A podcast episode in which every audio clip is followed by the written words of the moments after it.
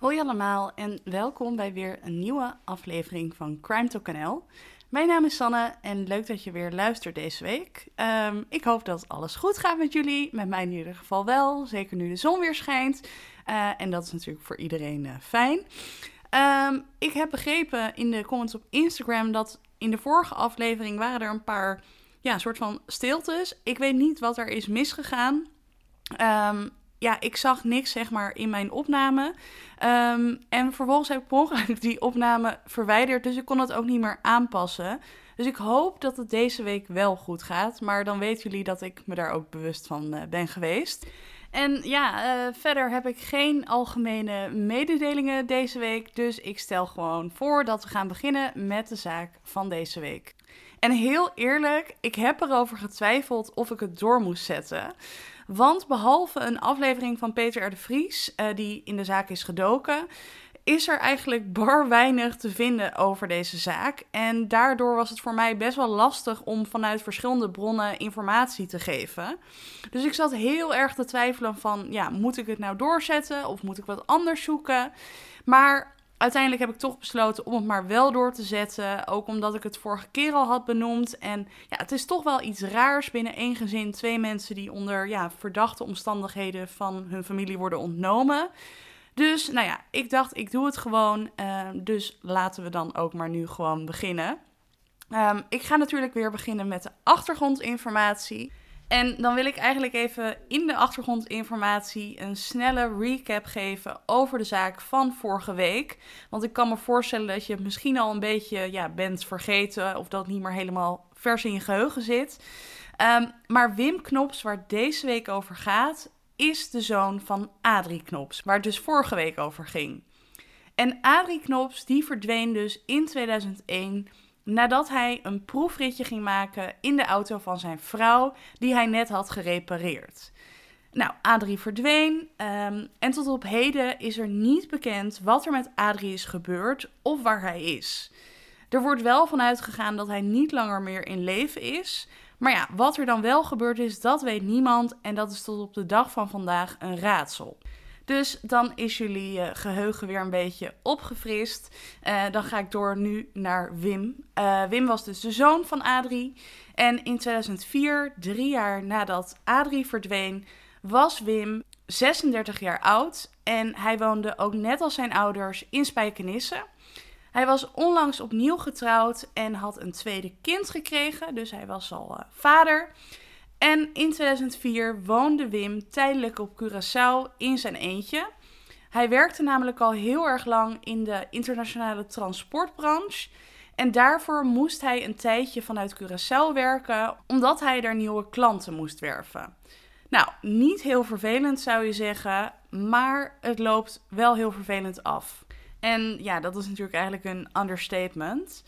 Um, het is dan 19 oktober 2004 rond 11 uur s avonds. En nou ja, Wim die woonde dus tijdelijk op Curaçao. En daar verbleef hij in het hotel Trupial Inn uh, in kamer 52. En wat ik heb begrepen is dat dat hotel niet heel erg gezellig was. Wat er dan allemaal afspeelde, daar kon ik niet echt achter komen. Maar het schijnt dus wel een hotel te zijn waar vaker rare dingen gebeurden. En Wim verbleef daar dus voor een langere tijd tijdens zijn verblijf op Curaçao. Um, het is dan dus rond 11 uur s avonds en mensen in het hotel, in de kamers naast hem, hoorden opeens rare geluiden vanuit zijn kamer komen. Het begon een beetje met kreunende en kermende geluiden, maar daarna was er ineens ja, geschreeuw, uh, in ieder geval een andere soort geluiden en een stuk intenser niet echt gebruikelijke normale geluiden. Maar toch had niemand zoiets van: Goh, hè, misschien moeten we even kijken wat er aan de hand is. Want daar komen wel hele vreemde geluiden uit de kamer. Nee, um, het duurde even. Een uur later, rond 12 uur, is de beveiliging dan uiteindelijk toch naar de kamer, kamer 52 van Wim gegaan. En nou ja, ze hebben eerst aangeklopt, maar er werd niet open gedaan. En uiteindelijk openden ze de deur. En wat ze aantroffen was Wim. Hij lag achter de deur, was naakt. Zijn gezicht was blauw aangelopen en hij had wit schuim op zijn mond staan. En nou ja, de beveiliging kon niet meteen vaststellen of hij nog in leven was of dat hij al overleden was. Dus daarvoor moest een arts komen. En die constateerde eigenlijk vrijwel gelijk dat Wim dus overleden was. Um, Wim lag ook in een gekke houding, een soort van achter de deur uitgestrekt met zijn ja, hoofd zeg maar een beetje op zijn borst.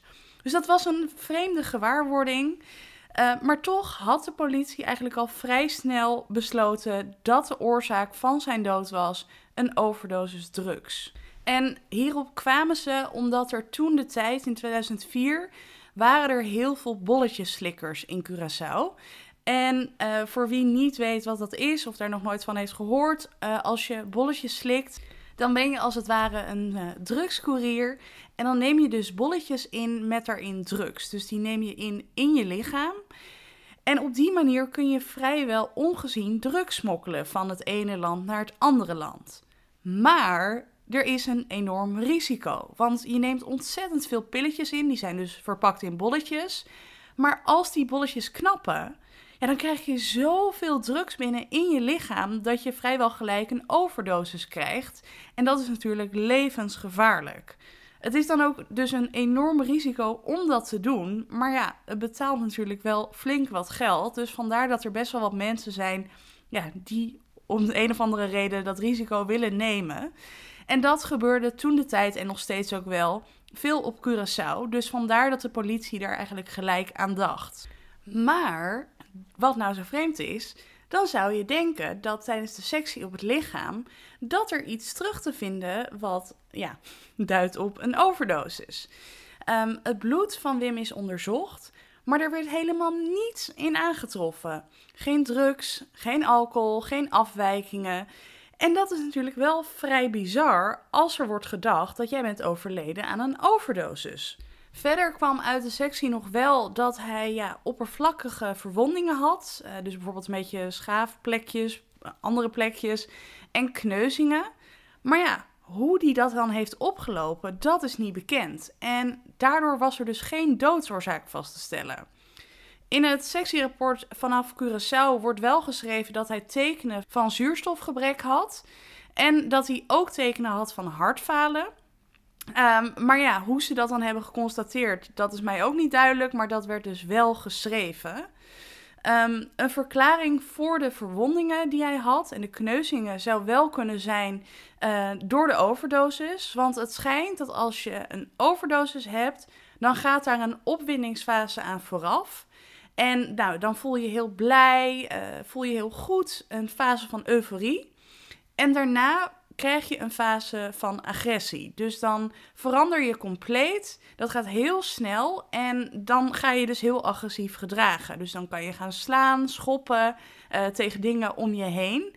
En dat zou misschien dan kunnen verklaren waarom hij die verwondingen had. Verder had Wim volgens familie en naasten regelmatig last van zijn maag en darmen. En uh, nou ja, in het kader van misschien kan dat er wat mee te maken hebben, is hier naar ook gekeken. Maar ook daar kwam niets uit naar voren uit de sectie waarvan je zou kunnen zeggen van nou dat zou een uh, aanleiding kunnen zijn voor zijn dood. Nee, nogmaals, er werd echt niks aangetroffen, niks geks. Um, en dat is natuurlijk heel raar als iemand overlijdt. Dan moet je wel iets vinden waarom of waardoor hij is overleden. Maar dat was dus niet het geval. En dat was dan ook gelijk het einde. Uh, niet het einde van deze podcast, maar het einde van het onderzoek van de politie op Curaçao die hadden zoiets van, nou goed, hè, er is geen doodsoorzaak. Uh, we kunnen ons niet voorstellen dat er iets anders is gebeurd dan een overdosis, waarvan dus niks is terug te vinden in het bloed. Dus ja, nou ja, dit is wat het is. Succes ermee. En ja, dat is natuurlijk heel erg raar, want ze hebben helemaal niet onderzocht of er een andere mogelijkheid zou kunnen zijn waardoor hij is overleden. Of er misschien een tweede of derde persoon bij betrokken is, of hem iets is aangedaan. Ja, heel bizar. Ondertussen in Nederland kwam de dood van Wim natuurlijk als een enorme klap. Jarenlang was de familie Knops bezig geweest met de mysterieuze en verdachte verdwijning van hun vader en man. En nu ineens overlijdt Wim zonder enige doodsoorzaak. Dus nou ja, vanuit hun tijd voor een onderzoek, want het is natuurlijk wel heel erg opvallend dat Wim nu onder deze omstandigheden overlijdt. Dus dan zou je denken dat er meer aan de hand moet zijn. En daarom is de familie zelf aan de boom gaan schudden. En er zijn ook wel wat merkwaardige dingen aan Wim.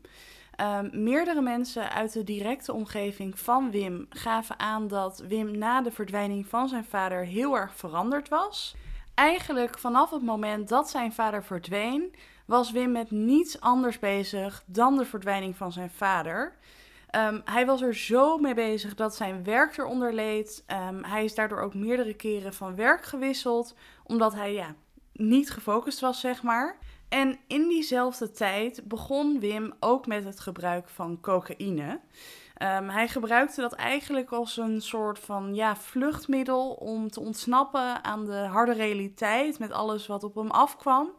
En in die tijd begon hij dan ook om te gaan met wat ja, loesje figuren. En een van die loesje figuren, die was dus een kennis geworden van Wim. En deze kennis werd vlak voor de dood van Wim opgepakt uh, vanwege een drugslijn met de Antillen. De plek waar Wim natuurlijk overleed.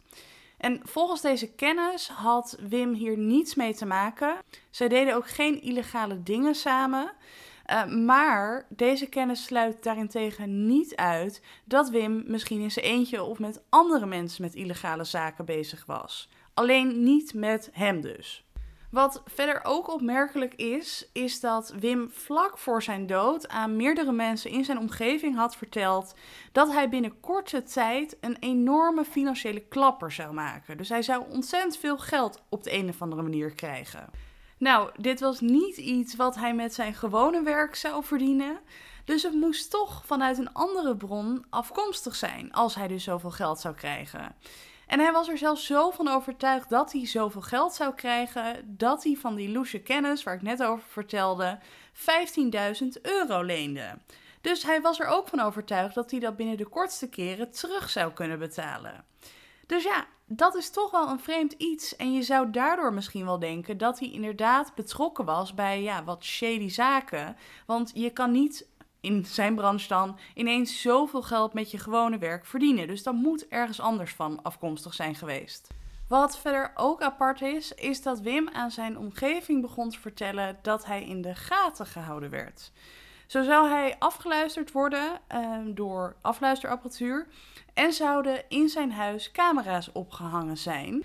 En hij vertelde ook dat op het moment dat hij dan die camera's had ontdekt, dat er mannen in zijn tuin liepen.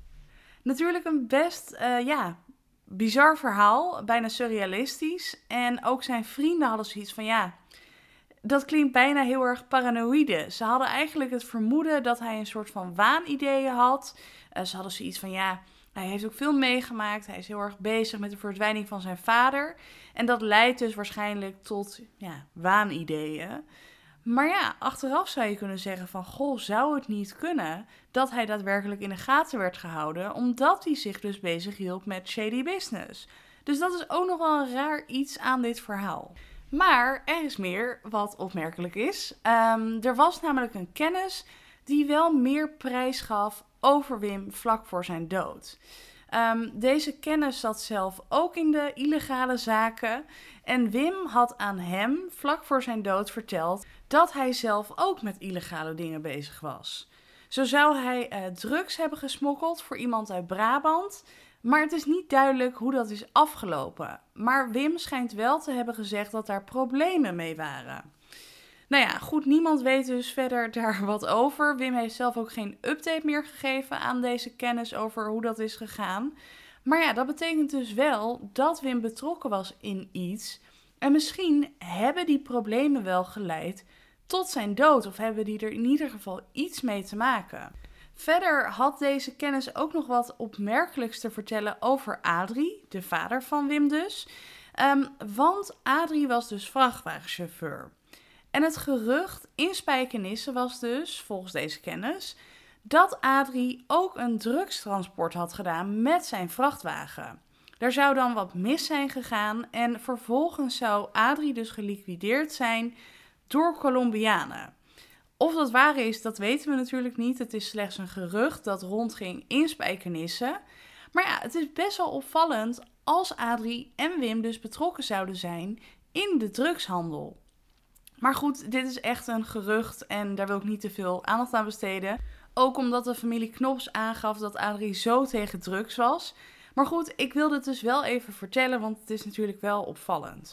En dan zijn we aangekomen bij het laatste rare, opvallende en eigenlijk onhandige van deze zaak.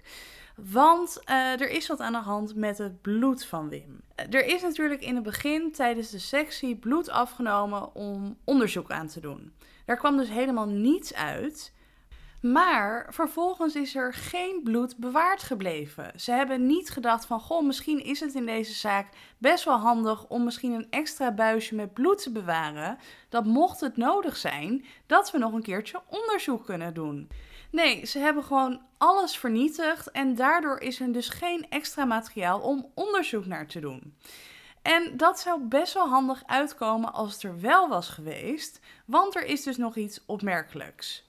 Zoals ik in het begin vertelde, er werd niets aangetroffen in zijn bloed. Geen drugs, maar ook geen alcohol. En dat laatste is dus wat vreemd. Want um, een vrouw die werkte bij uh, het hotel waar Wim verbleef, waar hij overigens ook een affaire mee had, maar dat terzijde, die weet 100% zeker dat zij op de avond van de dood van Wim Wim twee biertjes heeft geserveerd en dat hij deze ook heeft opgedronken. Ze weet het echt zeker, het waren Heineken biertjes. En ja, dat maakt het natuurlijk heel erg vreemd. Als iemand zeker weet dat Wim heeft gedronken en dat wordt vervolgens niet aangetoond in zijn bloed. Daarnaast schijnt het ook zo te zijn dat je uh, cocaïne in het bloed niet als gewone drugs vindt. Daarvoor moet je een speciale bloedtest doen. En deze test is nooit aangevraagd, ondanks het feit dat de politie dus dacht dat het ging om een overdosis door bijvoorbeeld bolletjes slikken. Dus ook in dit geval, hoe onhandig dat de politie gewoon geen bloed heeft bewaard van Wim. Want in het geval van de alcohol is het raar dat er niets te vinden is. En als er bloed bewaard was gebleven, dan hadden ze nogmaals kunnen testen en dan dit keer ook op cocaïne. Dus ja, is het heel erg nalaten van de politie of is het gewoon allemaal ontzettend knullig gegaan? Feit is wel, er is dus geen bloed bewaard en het was ontzettend handig geweest als er wel bloed was waarop ze opnieuw konden testen. Want wat door mijn hoofd heen ging, zou het bijna niet kunnen dat ze misschien een verkeerde bloedafname hebben gedaan. Of um, nou, misschien wel hebben verwisseld met een ander persoon. Want het klopt gewoon niet dat er dus geen alcohol te vinden is.